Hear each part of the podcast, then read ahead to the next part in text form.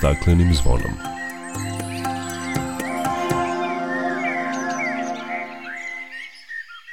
Dobar dan, dobrodošli na Zeleni talas prvog programa radija Radio Televizije Vojvodine. Ja sam Dragana Ratković. Novoizabrani američki predsednik Joe Biden održao je predizborno obećanje potpisavši ukaz o povratku u okvire Parijskog sporazuma. Potpisnice sporazuma o klimi nastoje da smanje emisije ugljen dioksida u atmosferu. Upravljanje industrijskim otpadom, recikliranje i dobijanje nove energije ključni su za dekarbonizaciju, zaštitu životne sredine i povećanja konkurentnosti privrede, poručeno je iz Privredne komore Srbije. Čućete šta o korišćenju industrijskog otpada u energetske svrhe kažu nadležni u ministarstvima i privrednici. Biće reči o zabrani upotrebe plastičnih kesa na prodajnim i uslužnim mestima u Sremskim Karlovcima i Novom Sadu, koje nas nazi od nove godine. Govorit ćemo i o zaštiti u specijalnom rezervatu prirode Deliblatska peščara, jedinoj kontinentalnoj peščari u Evropi koja se odlikuje mozaičnim ekosistemima i bogatim biodiverzitetom. Toliko u najavi o svemu opširnije nakon pozdravne pesme. Dok priroda kraj nas plače za vladarskim svojim tronom tužno vele narikače pod staklenim smo zvonom Znaj vazduha više nema sve Protiv sebe ide čovek i to često bez pardona. Uništenju živog sveta Kao da su ljudi skloni. Čovek sam je sebi meta Zbog njega ovo zvono zvoni. Uništenju živog sveta kao da su ljudi skloni. Čovek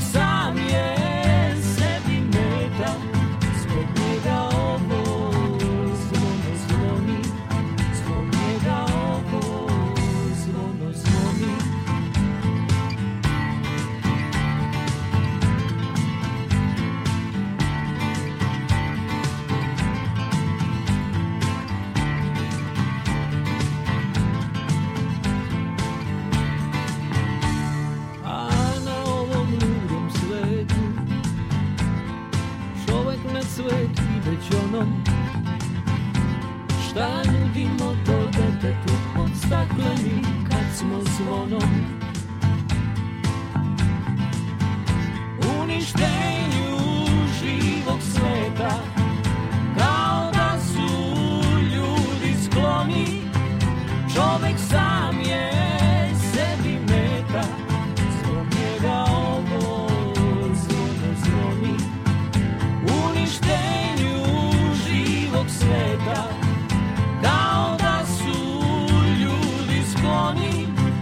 Čovek sam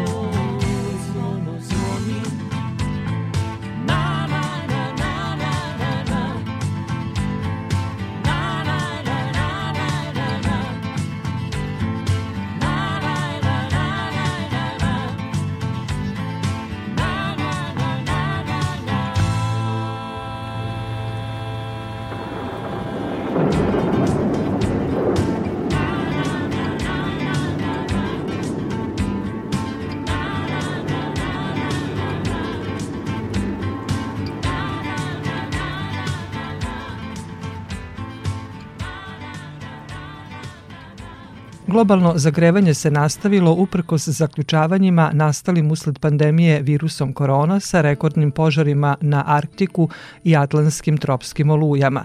Prosečna temperatura širom planete u 2020. godini bila je za 1,25 stepeni više u odnosu na predindustrijski period od 1850. do 1900.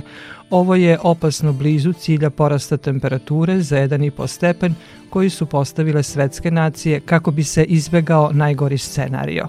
Lideri država članica su nedavno obeležili petu godišnjicu potpisivanja Parijskog sporazuma o klimi, a pre nekoliko dana novo izabrani američki predsednik Joe Biden održao je predizborno obećanje potpisavši ukaz o povratku u okvire Parijskog sporazuma. Pristupanje sporazumu iz 2015. godine potpisala je administracija bivšeg predsednika Baracka Obame, obećavši da će do 2030. smanjiti emisiju gasova za 26 do 28 odsto, računajući na osnovu nivoa iz 2005. godine, dok je predsednik Donald Trump povukao Sjedinjene američke države iz sporazuma. To je razbesnilo demokrate koje su optužile Trumpa da je tom odlukom prodao budućnost američke dece. Želja najnovijeg američkog predsednika je da Sjedinjene države dostignu nultu neto emisiju gasova do 2050. godine, na što se obavezalo i više od 60 drugih zemalja 2019. godine. Javno obećanje predstavnika država članica je preduzimanje većih napora na smanjenju emisije štetnih gasova s efektom staklene bašte koji doprinose globalnom zagrevanju. Neke od akcija koje Biden planira da pokrene u borbi protiv klimatske krize i smanjenje smanjenje emisija je ograničenje zagađenja metanom za pogone na naftu i gas, koristeći savezni sistem javnih nabavki da bi se što pre došlo do vozila sa 100 od 100 čistom energijom i nultim emisijama.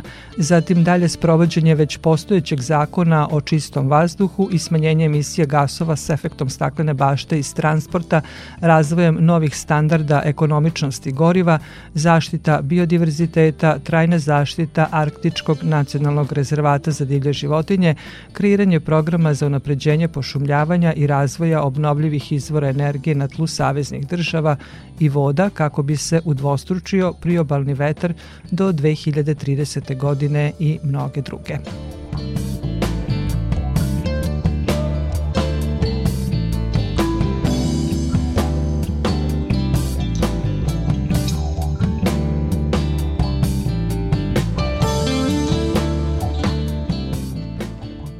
Slušate emisiju pod staklenim zvonom. Brojne analize su pokazale da je jedan od najvećih ekoloških problema u Srbiji neodgovarajuće postupanje sa otpadom. Pod industrijskim otpadom se podrazumevaju sve vrste otpadnog materijala i nus proizvoda koji nastaju tokom određenih tehnoloških procesa i po svojim osobinama može biti neopasan ili opasan. Velika industrijska postrojenja su najzagađeniji generatori opasnog otpada. U našoj zemlji se kao izvori opasnog otpada uglavnom javljaju energetika, farmaceutska industrija, hemijska industrija, prehrambena industrija, industrija ambalaže. Oko 80% proizvedenog industrijskog otpada u Srbiji ostaje na lokaciji samog proizvođača, što ukazuje na nizak procenat tretmana industrijskog otpada, kao i na nedovoljno korišćenje otpada kao sirovine. Najveći udeo u ukupno proizvedenom industrijskom otpadu ima leteći pepeo od uglja. Mali deo industrijskog otpada se prerađuje, a Srbija ima značajne mogućnosti u tom pogledu. Odgovornim upravljanjem otpadom i dobrom kombinacijom reciklaže i termičke prerade otpada i u našoj zemlji se mogu ostvariti mogućnosti za stvaranje toplotne i električne energije iz obnovljivih izvora, za otvaranje novih radnih mesta i dodatni prihod na nivou lokalnih zajednica.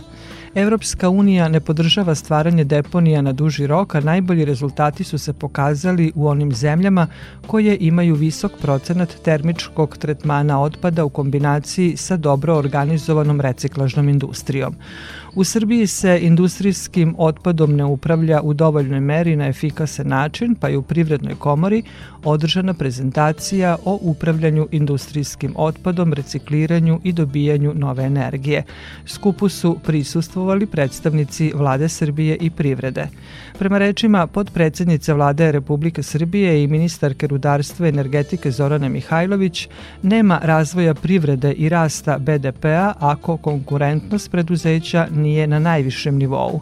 Važna stvar koja se menja u našoj zemlji jeste i to da energetika i zaštita životne sredine ne mogu više jedna bez druge kako bismo konkurentnost podigli na viši nivo. To mora da bude zajedno ali tako da imamo jedan klimatski neutralan razvoj, tako da pomognemo da konkurentnost naše zemlje bude na višem nivou. Dakle, nema funkcionisanja i rasta privrede i rasta bruto društvenog proizvoda ukoliko konkurentnost naših preduzeća ne bude bila na višem nivou. Sve što može da uradi Ministarstvo energetike kroz izmene i dopune svojih zakona, ukoliko je to potrebno, Ministarstvo će uraditi. Ali isto tako ćemo zajedno sa životnom sredinom, kao što radimo od samog početka, učiniti sve da imamo s jedne strane klimatski neutralan razvoj, da radimo na dekarbonizaciji, da ove godine donesemo važne odluke vezano za dalje korake u procesu dekarbonizacije, a u isto vreme sa privrednicima da vidimo šta je to još što može pomoći da brže dolazimo do onog nivoa i životne sredine, a i rasta konkurentnosti.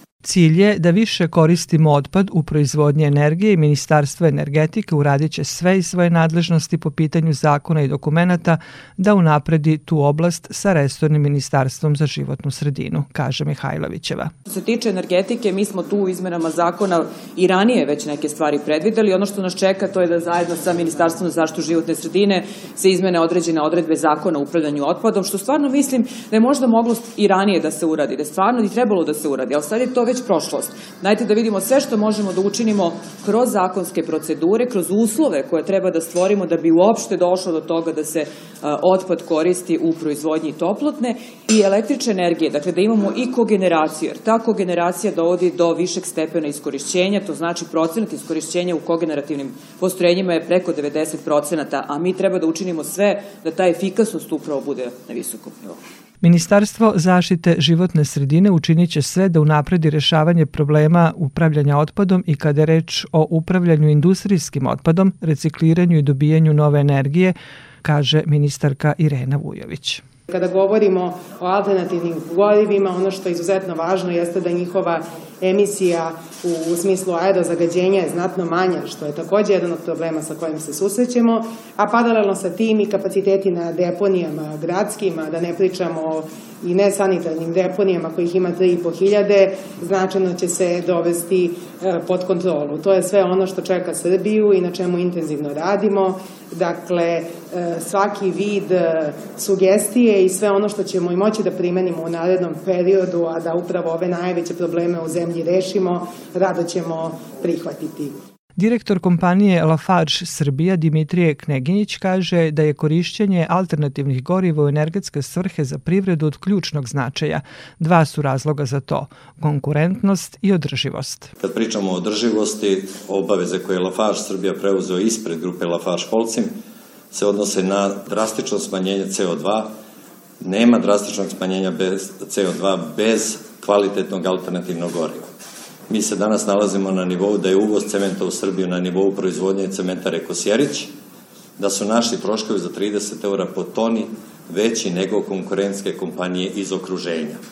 Osnovni razlog za to je nemogućnost uvoza i iskorištenja alternativnih gore u energetske svrhe u Srbiji. Lafarge kao i ostali privrednici od sastanka u Privrednoj komori Srbije očekuju da se nađe rešenje za sve sektore koji koriste toplotnu energiju iz tradicionalnih goriva, a jedino rešenje za obaranje ugljen dioksida je uvođenje kvalitetnih alternativnih goriva, dodaje Kneginjić. Nama lično kao kompaniji mi bi voleli da vidimo da u Srbiji postoji organizovan način zbrinjavanja otpada, odnosno da alternativna goriva visokog kvaliteta budu dostupna u Srbiji.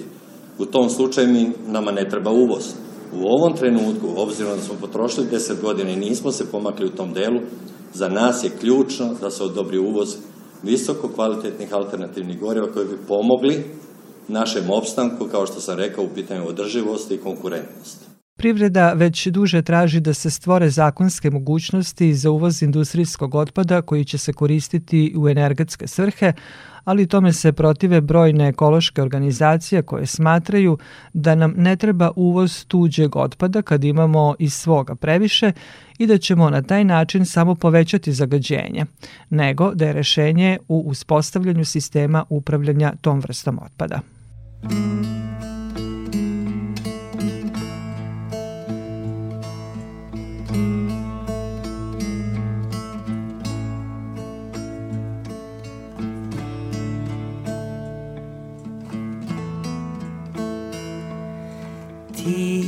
smo bili ne mala zvijezda prve kapi kiše. Kiša dok se sprema Ti i ja smo bili. Sunce iznad mora Sada nas više nema. Bio si u pravu znaš tajne svijeta Jesi li sad sretan? Tvoja je planeta Mjesto tebe sad me Druga ruka dira A srce nema mira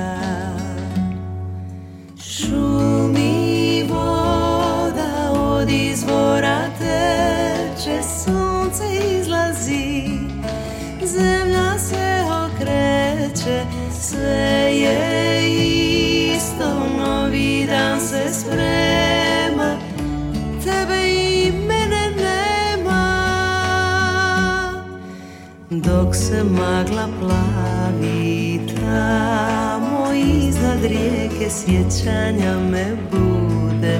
Ne vidi se puta Mjesto tebe sad me Druga ruka dira Duša mi luta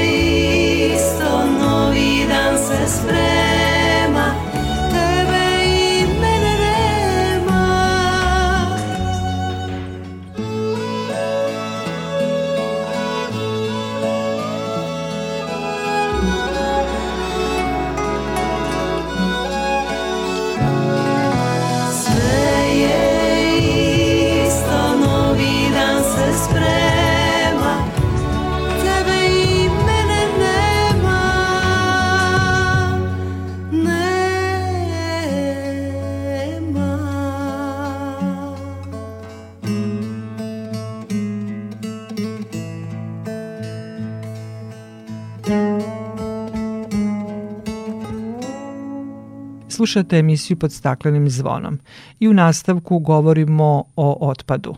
Lepa vest stiže nam iz Sremskih Karlovaca. Naime, Skupština opštine Sremske Karlovci krajem 2020. godine donela je odluku o zabrani prodaje plastičnih kesa na području tog mesta i na taj način uvažila preporuku pokrajinske vlade u utvrđivanju mera za otklanjanje štete koje se nanosi ekosistemima korišćenjem proizvoda od plastike. O tome Ana Bojić. Plastična kesa jedan je od simbola potrošačkog društva, da bi se razgradila potrebno je više stotina godina. U toku prošle godine u Srbiji je najavljena zabrana korišćenja tih kesa, a Sremski Karlovci su jedna od opština u Vojvodini u kojima je to od početka januara zabranjeno. Krajnje je vreme da se to uradi. Čerka mi je ekolog. A van nešto preporučujte, ugušit ćemo se. Evo sad smo na Drini videli ovo strašno. Po meni je najbolje ceger, jer ovaj, štitimo okolinu i samim tim uvek imamo jaku torbu pored sebe kad kupujemo u radnjama. Treba da bude zabranjeno. Vidim na televiziji ono silno plastike i sve što sad spremaju i vade i sve. Pa to je jako strašno. Jako. Ja ne kupujem u prodavnici, ponesem imam platnene, žena radi u Simbeksu i platnene ove vrećice i okačim u rame. Kako kažu iz opštine, prethodna godina pomogla je da građani počnu da razmišljaju o temi zagađenja i smatraju da poštovanje pravila neće biti problem, a ako to bude slučaj, postojaće sankcije. Negde je bio dat period od godinu dana, dakle čitava 2020. godina, da se pre svega trgovci u veleprodaj, maloprodaj, ali i na pijačnim, pijačnim prostorima prilagode tim novim merama i da izvrše zamenu upotrebe plastičnih kesa sa biorazgradivim kesama. Ja se nadam da neće biti potrebe za nekim represivnim merama, da su ljudi spremni na to da na tržištu postoji dovoljan broj zamenskih kesa, a za one koji baš budu uporni u tome odbijali da kažemo, saradnju. Predviđeni su kazne od 25.000 dinara do 150.000 dinara. Zabrana upotrebe plastičnih kesa deo je deklaracije o zaštiti životne sredine kojom je predviđeno da se do kraja 2020. zabrani korišćenje plastičnih kesa, a kada epidemijska situacija bude stabilnija, organizovaće se edukacije građana o štetnosti plastike. Iako pronalaženje zamene koja bi bila opravdana sa ekonomskog i ekološkog aspekta nije stvar koja se lako rešava, doprinos zdravijoj okolini možete dati upotrebom pamučnog cegera.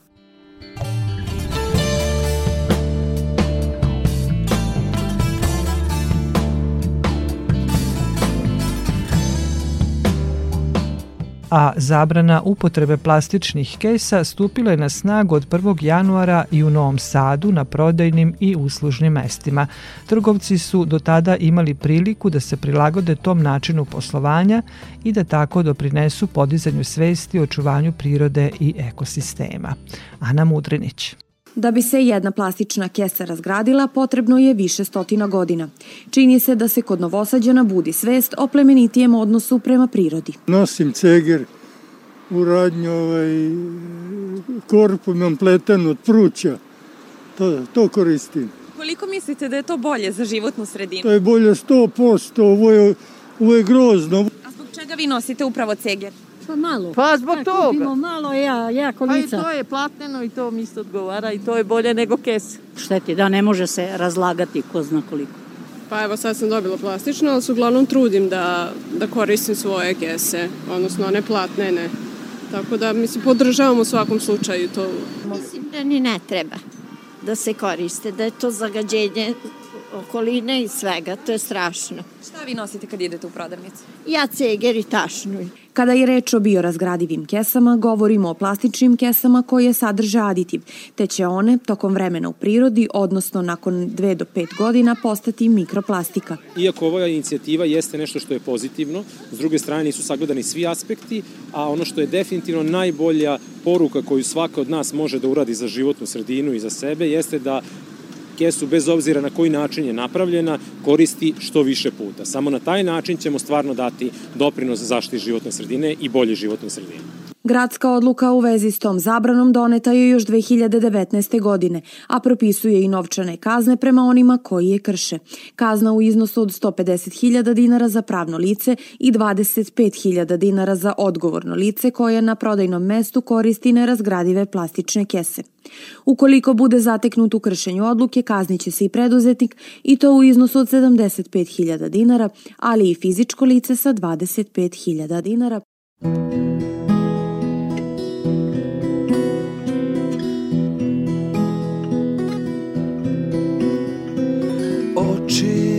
Tvojih da nije Ne bi bilo neba U slepom našem stanu. Smeha tvoga da nema Zidovi ne bi nikad Iz očiju nestajali. Slavuja tvojih da nije Vrbe ne bi nikad Nežno preko praga Prešle.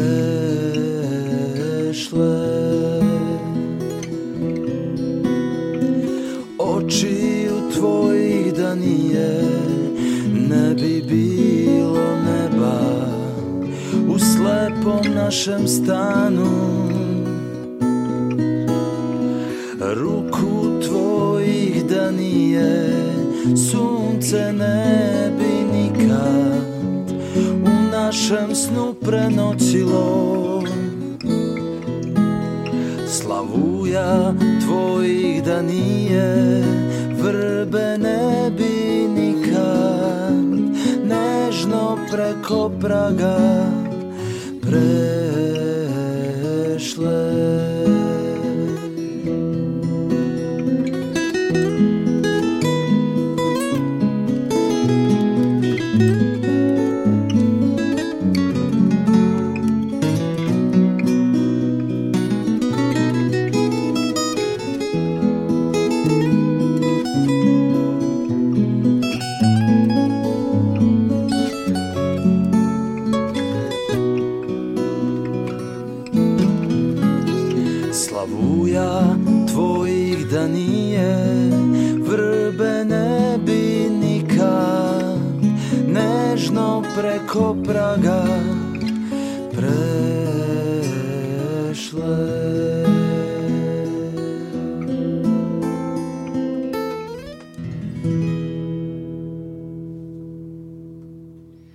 Slušate emisiju pod staklenim zvonom. Nedavno se na društvenim mrežama pojavio snimak na kom se vidi kamion koji u Lepenicu u blizini sela Cvetojevac izručuje otpad i mulj. Nakon poziva upućenog inspekciji Ministarstva zaštite životne sredine da se sa obale reke Lepenice na području grada Kragujevca nezakonito odlaže velika količina otpadnog mulja u reku, ministarstvo je odmah reagovalo i poslalo republičkog inspektora na teren, gde je nakon izvršenog uviđaja podneo prijave protiv odgovornih lica, saopštilo je Resorno ministarstvo životne sredine. Reagovala je i ministarka zaštite životne sredine Irena Vujović i poručila naučila da u ovakvim slučajevima nema povlašćenih niti zaštićenih i da je prošlo vreme kada su ovakvi postupci bili tolerisani ili su prolazili nekažnjeno. Bahatost i neodgovoran odnos prema životnoj sredini i našim rekama zaslužuje najstrožu kaznu koja treba da posluži kao primer svima koji u buduće pomisle da otpadni materijal odlažu u reke. Ministarka je navela da očekuje da odgovorna lica budu najstrože kažnjene i dodala da je za adekvatno reagovanje u ovakvim situacijama izuzetno važna koordinacija svih nadležnih institucija, što se, kako je navela, u slučaju Lepenice pokazalo kao ključno. Brzom i odlučnom reakcijom zadovoljna je i Evropska zelena partija. Njen predsednik Dejan Pavlović kaže da je celokupna hidrološka mreža Srbije zagađena najrazličitijim vrstama otpada i da je važno da počinioci budu najstrože kažnjeni. Kada govorimo o zaštiti životne sredine i smanjenju postojećeg i budućeg zagađenja, zaista je ozbiljan problem to što se mnogi slučajevi tog zagađivanja ne otkrivaju i zato je jako bitan ovaj primer e, izlivanja otpadnog mulja u reku Lepenica u blizini Kragujevca kada su sve nadležne službe zaista brzo reagovale po prijavi građana, a samo ministarstvo i njegova ekološka inspekcija su ekspresno podneli prekršajnu prijavu protiv počinilaca. Mi smo svedoci da je celokupna praktično ta hidrološka mreža Srbije, znači sve reke, sva jezera su zagađeni različitim e, materijama, različitim komunalnim otpadom, različitim hemikalijama koje, kao što vidimo, mogu poticati iz pojedinih e, nesavesnih kompanija, isto tako iz jalovišta određenih rudnika, kao što je to bio slučaj u rudniku, u jalovištu rudnika Trepča, Tako da je zaista jako bitno da se ti slučajevi otkrivaju kako bi pre svega oni bili kažnjeni, a i kako bi bio dat primer budućim prekršiocima da država više neće tolerisati to, jer zaista su ogromne štete u životnom sredinu i pre svega po zdravlje stanovništva, mi nismo ni svesni koliko to košta naš budžet, tako da je jako bitno da se borimo protiv toga.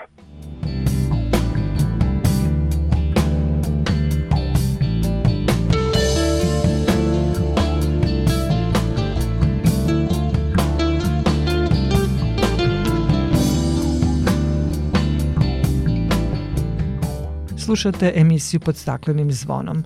Opština Ruma nakon izgradnje novih kotlarnica i prelaska sa mazuta na gas kao i sadnje zelenila nastavlja sa ulaganjima u zaštitu životne sredine. Tako je za ovu godinu najavljen početak izgradnje prečistača otpadnih voda.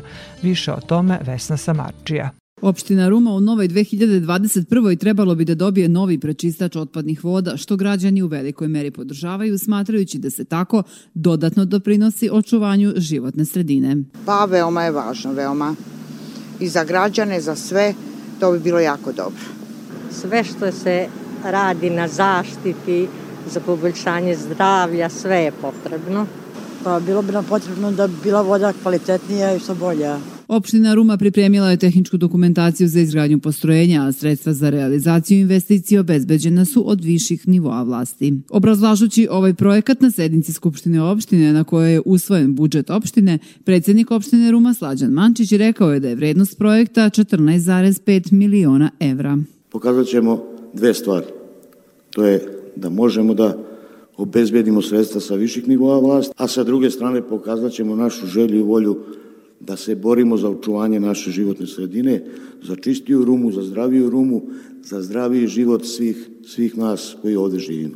On je tom prilikom podsjetio i da opština Ruma nema prečistač otpadnih voda od 2003. i najavio da je rok za izgradnju prečistača tri godine.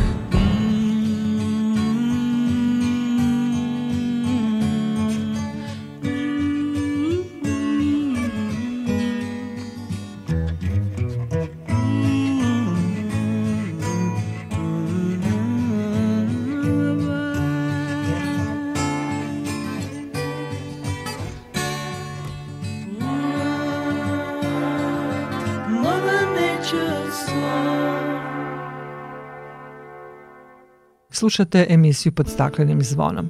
Specijalni rezervat prirode Deliblatska peščara nalazi se na krajnjem jugoistočnom delu Panonske nizije u južnom Banatu između Dunava i jugozapadnih padina Karpata. Rezervat je jedinstveni prirodni fenomen u Evropi, nastao tokom ledenog doba od peska kojim je vetar zasuo prethodni lesni nanos i zatalasani reljef preoblikovao u izrazito dinski, formirajući najveću oazu peščarsko-stepske vegetacije uz odsustvo površinskih vodotokova. Na ovom prostoru su se održali iskonski, peščarski i šumsko-stepski ekosistemi, dok su se u rečnom koritu na obalama i Adama Dunava razvile vodene, močvarne i šumske zajednice.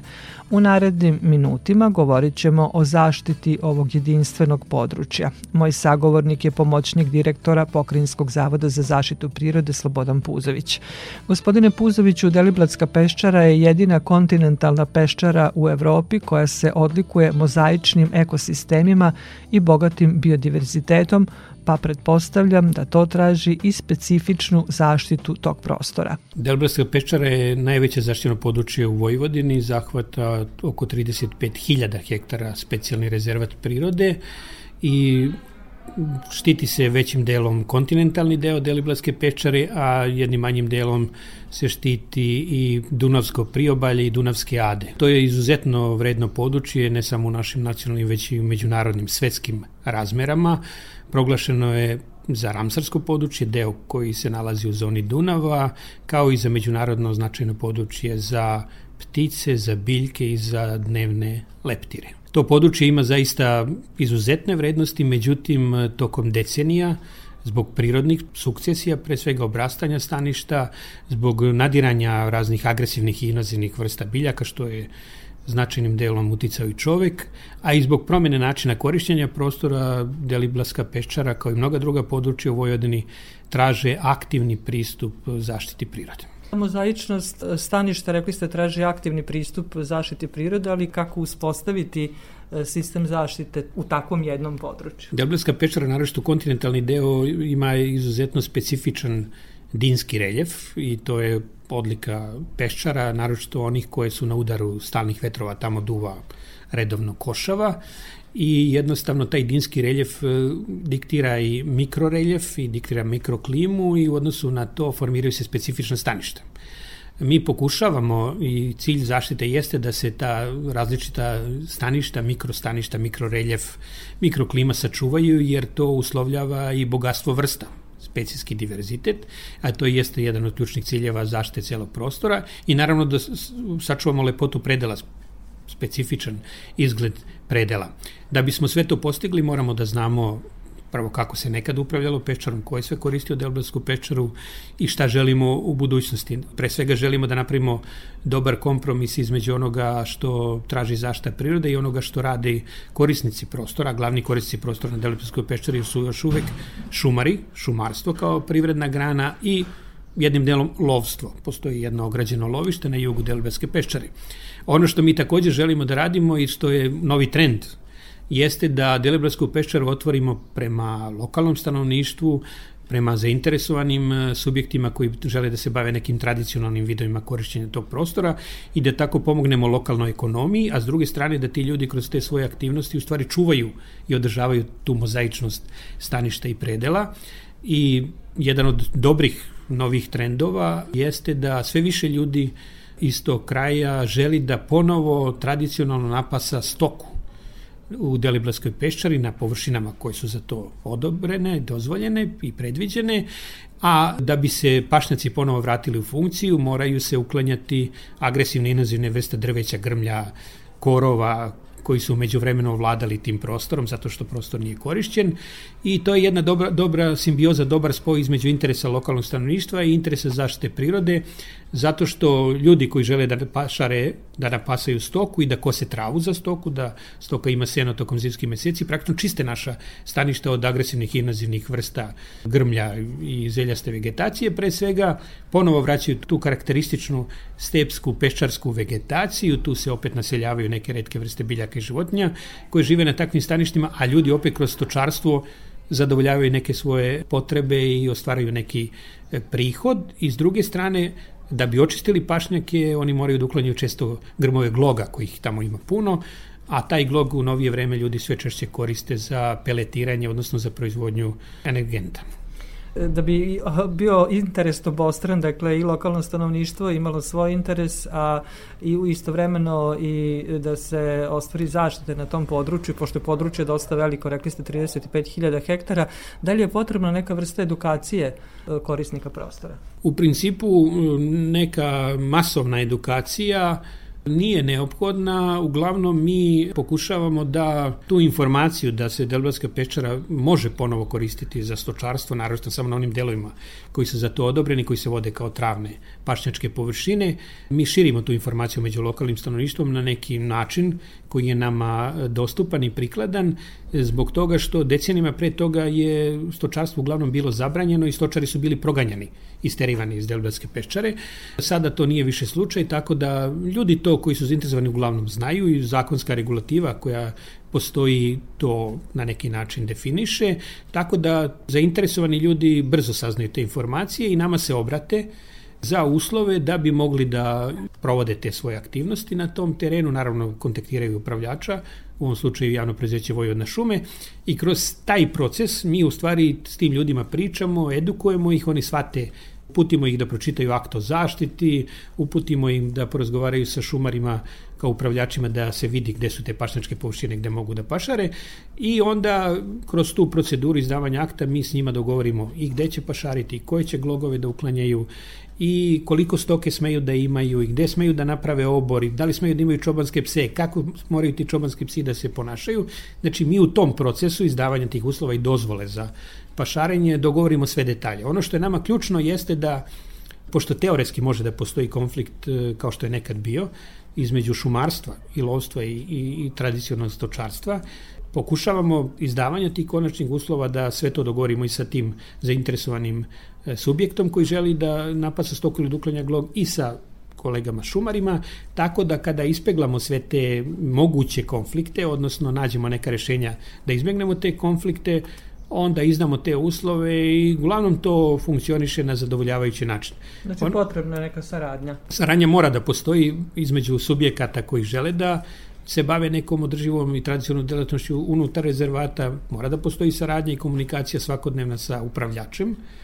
I onda kroz tu komunikaciju i saradnju mi praktično pomažemo tim zainteresovanim stanovnicima, odnosno ljudima koji gravitiraju prema Deliblatskoj peščari, da mogu da osmisle neki svoj, da tako kažem, privatni biznis, koji se oslanja na nešto što je tradicionalno i nešto što je održivo, znači što ne šteti prirodi, a nama pomaže da sačuvamo tu mozaičnost staništa, da opet zarasla staništa tih pašnjaka vratimo u otvorena pašnjačka staništa i ono što je jako bitno reći jeste da ukoliko se pojavi više takvih subjekata na različitim delovima Delvetske peštare gde bi mogli da napasaju stoku ili da čiste teren i da redovno kose travu, značajno se smanjuje opasnost od velikih šumskih požara, jer peščara opet dobija nekadašnji mozaični izgled da je bilo malo šume, malo šikare, malo pašnjaka i jednostavno ako negde se čak i pojavi neki požar, on će se zaustaviti na prvoj sledećoj pašnjačkoj površini ili površini koja se kosi. Tako da ćemo izbeći scenarije od pre 10 ili 20 ili 30 godina kada nije bilo mnogo stoke u Delvetskoj pešari, kada je ona bila zarasla, jednostavno tamo gde je nastao požar, još ako je duvo vetar, požar nije imao gde da se zaustavi. Pre neku godinu su i proširene granice ovog specijalnog rezervata revizijom. Studija je rađena davno, znači ima već 20 godina i proglašen je specijalni rezervat u tim granicama. Mi sada u stvari planiramo reviziju zaštite za narednih nekoliko godina. Cilj je da sa kolegama upravljačima koji se bave šumarstvom pre svega i upravljanjem zaštićenim dobrom, naravno, da e, na fin način dotiramo granice između režima zaštite drugog i trećeg stepena zato što smo vidjeli da ranije kada je rađena studija pre 20 godina nisu postojali detaljni ortofoto snimci, avio snimci, snimci na Google Earthu i tako dalje. Sada sve te snimke imamo, tako da praktično e, možemo sada precizno da definišemo da e, sve površine koje su ranije zasađene u borove ili u bagre budu u trećoj zoni, a sada ima i nekih koji su u drugoj zoni, što nije dobro, ni za upravljanje, ni za šumarstvo, ni za zaštitu prirode, a da sve pašnjačke površine, travne površine, budu pre svega u drugoj zoni e, da bi mogli s njima na adekvatan način da upravljamo sa aspekte zaštite prirode, a sada imamo dosta tih površina u trećoj zoni što nam pravi određene probleme. Znači, to je jedan od ključnih zadataka te revizije da fino smestimo većinu najvrednijih pašnjaka i travnih površina u drugi stepen zaštite, da sve intenzivno korišćenje korišćene kulture borova i bagrema smestimo u treći stepen zaštite i takođe da korigujemo spoljne granice zaštićenog dobra i da neke lokalitete koji su izuzetno vredni kao pašnjaci, kao što su pašnjaci kod Kajtasova ili kao što su pašnjaci na Hataricama na južnom delu Delbarske peščare ili pašnjaci kod Volovske paše, znači da ta tri lokaliteta koji su sticajem okolnosti u prethodnoj zaštiti nisu bili razmatrani, nisu ušli u granice specijalnog rezervata, da ih sada uključimo jer oni i ekološki i geografski pripadaju kompleksu Deliblatske peščare. Jedan deo rezervata izlazi na Dunav i proglašen je za ramsarsko područje. Kako se taj deo rezervata uklapa u ovu priču o zaštiti? Pa to jeste specifičan deo rezervata i zaista treba na specifičan način i planirati aktivne mere zaštite, upravljanja, čuvanja tog prostora. Za razliku od kontinentalnog dela Peščare gde je požar opasnost e, i gde ima malo e, možda krivolova ili neke šumokrađe, i gde imamo specifičan problem nestajanja mozaičnosti predela, odnosno zarastanja tih pašnjaka, što pokušamo da rešimo. Na Dunavskom delu takvih problema nema, ali tamo ima drugih problema. Pre svega problem Dunavskog dela zaštićenog područja je kontrola, jer e, Dunav je široka reka, moćna reka, e, jedan deo zaštićenog dobra praktično dolazi na Ade ostrva približava se e, južnom delu obale reke. E, ima dosta ljudi koji gravitiraju u tom prostoru i oni koji prolaze u tranzitu sa brodovima, tamo se koristi i, i esplatiše se šljunak, odnosno ko, čisti se korito zbog plovnosti toka Dunava, takođe ima dosta ljudi koji tamo se rekreiraju, pecaju, ima dosta ljudi koji love tamo tokom zimskih meseci, ima i krivolova, tako da je taj e, prostor zaista prilično pritisnut raznim ljudskim aktivnostima i ono što je suštinski bitno tamo jeste da se upravo ostvari e, kontrola nad tim šta tamo ljudi rade i da se spreči da rade neke nedozvoljene stvari. Tamo znači nema neke izražene sukcesije staništa ili prirodnih procesa koji nam prave problema, tamo nam najviše problema što se tiče zaštite prirode praktično prave ljudi koji bez dozvole, bez uslova provode neke aktivnosti ili dolaze tamo da love ili da se rekreiraju, čak i prave kampove na tim adama, prave e, lokacije odakle pucaju na patke i guske tokom zimskih meseci, na mestima gde nemaju ni uslove zavoda, a gde to uglavnom ne bi smelo ni da se radi. Obično sada svi imamo potrebu zbog ove situacije, možda smo se malo i osvestili i da shvatimo da su zaista rešenja u prirodi i zbog možda nas je ova epidemija virusom korona i naterala da malo više razmišljamo o prirodi i odlazimo u prirodu. Deliblatska peščara je idealno mesto, da tako kažem, za razne vrste rekreacije i odmora, kako sve to uskladiti, a da ne utičemo na, na prirodu. Deliblatska peščara zaista nudi e, ogromne mogućnosti što se tiče razvoja održivog turizma, programa rekreacije, programa edukacije, uživanja u prirodi jer je veliki prostor, e, tih 35.000 hektara je prilično kompaktno i bez naseljenih mesta i područja koja su e, okružena naseljima, koja su delu prostora koji je poljoprivredno zemljište. Postoje već e, neki pokušaj da se taj prostor pri, približi širem krugu stanovništva, odnosno zainteresovanih e, građana koji žele tamo da dođu, da borave, da provedu vikend, da uživaju, da se rekreiraju, da nešto nauče o prirodi. Napravljen je jedan mali vizitorski centar e, sa južne strane Delbaske peščare kod Deliblata, takođe je napravljen jedan mali ekocentar na severozapadnom delu blizu Banarskog Karlovca na lokalitetu Korn, takođe poznat kao izletište i Devoječki bunar, koji u opštini Ali Bunar, gde ljudi dolaze, gde ima puno vikendica. Znači, na neki način Deliblatska peščara jeste e, otvorena prema građanima, prema posetiocima, ali u odnosu na to kako se to radi u razvijenom svetu i šta Deliblatska peščara nudi, zaista je to još uvek u povoju i treba još mnogo raditi na tome da se Deliblatska peščara infrastrukturno na pravi način opremi za prijem što većeg broja posetilaca i da osim tog devojačkog bunara i lokaliteta Čardak na jugu, koji je poznat kao omladinsko odmaralište, odnosno tu uglavnom dolaze deca da provedu neke svoje školske ekskurzije, da se Deliblatska pečara zaista otvori prema svim naseljenim mestima, na tim lokalitetima gde je to moguće raditi i da se kroz taj razvoj e, održivog turizma, programa edukacije, rekreacije, pomogne i lokalnom stanovništvu da imaju nekog interesa, odnosno koristi od tog zaštićenog područja. Kažem, još uvek je to u povoju, tek treba da se razvije na pravi način. Ono što smo mi hteli da pri, povežemo ljude, prirodu i istoriju, kulturu tog prostora. Ranije je bila ideja da se praktično Delbarska pešara nominuje kao budući rezervat biosfere u Srbiji i takođe u sklopu tih aktivnosti da se možda predloži za budući nacionalni park u Srbiji, drugi u Vojvodini, e, prvi nacionalni park koji bi bio u nekom ravničarskom prostoru, ne da bude šumsko područje. E, za sada nisu se sve kockice sklopila, ako tako mogu da kažem, i nisu svi subjekti koji su bitni podržali takvu ideju, ali možda je to jedna od e, budućih aktivnosti ideja, vizija koju treba primeniti na Deliblatskoj pečari da kroz taj rezervat biosfere i možda potencijalni nacionalni park bliže približimo javnosti i građanima taj jedinstveni prostor i da e, na neki način ga održivo razvijamo na dobrobit i prirode i ljudi koji tamo žive. Hvala vam lepo za razgovor i što ste nam približili, kako rekao ste, jedinstveni prostor koji je pod zaštitom u našoj zemlji i rekao smo koji je specifičan po mnogo čemu ne samo kod nas nego u Evropi.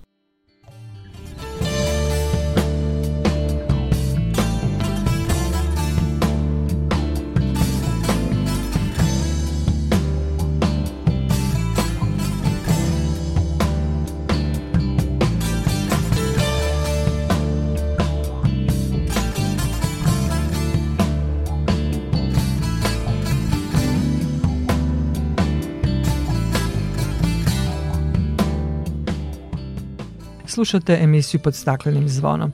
Do kraja januara traje međunarodni zimski popis ptica vodenih staništa. Na samom početku popisa već su zabeležene neke vrste koje se obično zimi ne zadržavaju kod nas. Poslednjih godina Društvo za zaštitu i proučavanje ptica Srbije prima pozive od zabrinutih građana koji zahtevaju da se bele rode, koje tokom zimskih meseci borave u Srbiji, zbrinu.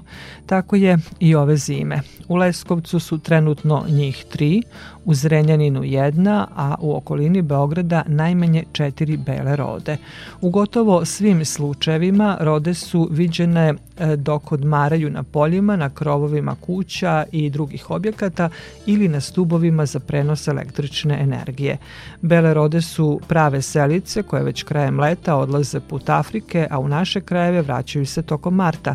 Razlog za njihovu, kao i za seobu većine ptica selica, jeste nedostatak hrane tokom hladnog dela godine. Omiljen plen roda su vodozemci, gmizavci i insekti, oni nisu dostupni u jesenjim i zimskim mesecima. Međutim, rode uspevaju da im nađu zamenu. Kako su saopštili iz Društva za zaštitu i proučavanje ptica Srbije, ornitolozi decenijama unazad prate bele rode koje uspešno prezimljuju u Evropi. Ove graciozne ptice naučile su da pronađu drugačije izvore hrane, pa u nedostatku uobičajenog plena love glodare na poljima ili hranu traže na deponijama.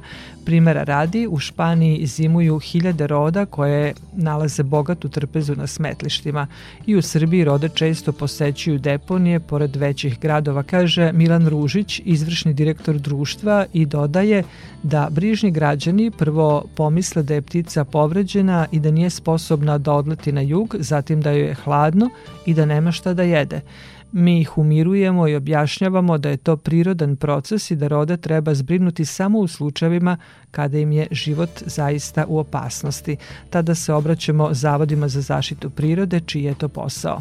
Iz Društva za zaštitu i proučavanje ptica Srbije apeluju na građane da im dojave za bele rode koje viđaju, te da ih bez dozvole i prisustva stručnih institucija ne hvataju i ne uznemiravaju, jer time mogu da dovedu do istrpljivanja ili povređivanja ptica.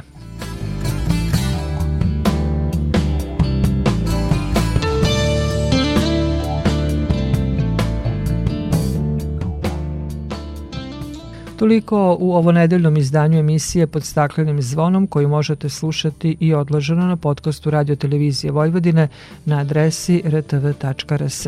Na pažnje vam zahvaljuju i Boja Šanca, Nikola Glavinić i Dragana Ratković. Naredni susret zakazujemo za 7 dana u isto vreme na zelenom talasu prvog programa radija Radio Televizije Vojvodine.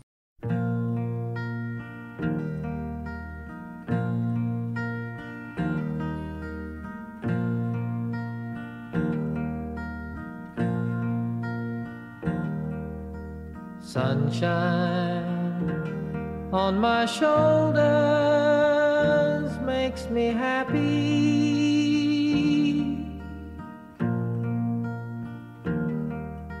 Sunshine in my eyes can make me cry.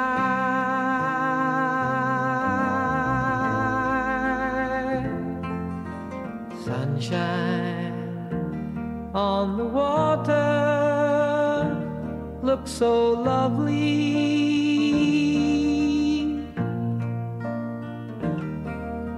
Sunshine almost always makes me high.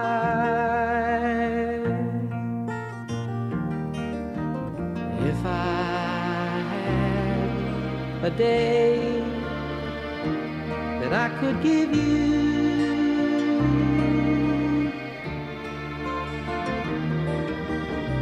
Give to you a day just like today.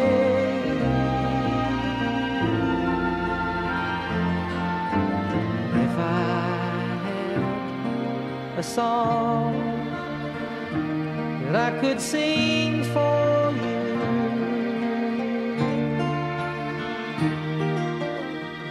I'd sing a song make you feel this way.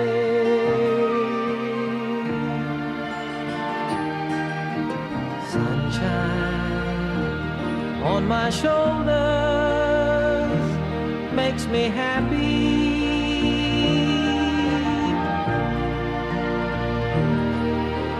Sunshine in my eyes can make me cry.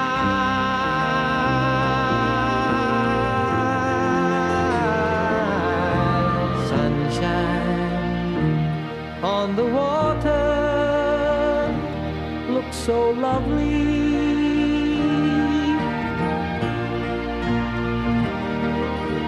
Sunshine almost always makes me high.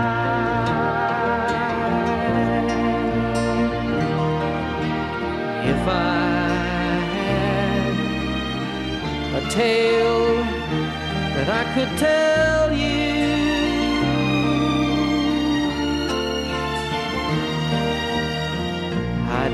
tale sure to make you smile.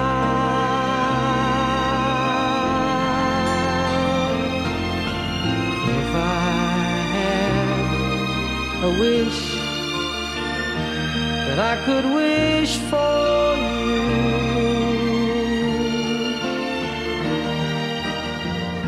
I'd make a wish for sunshine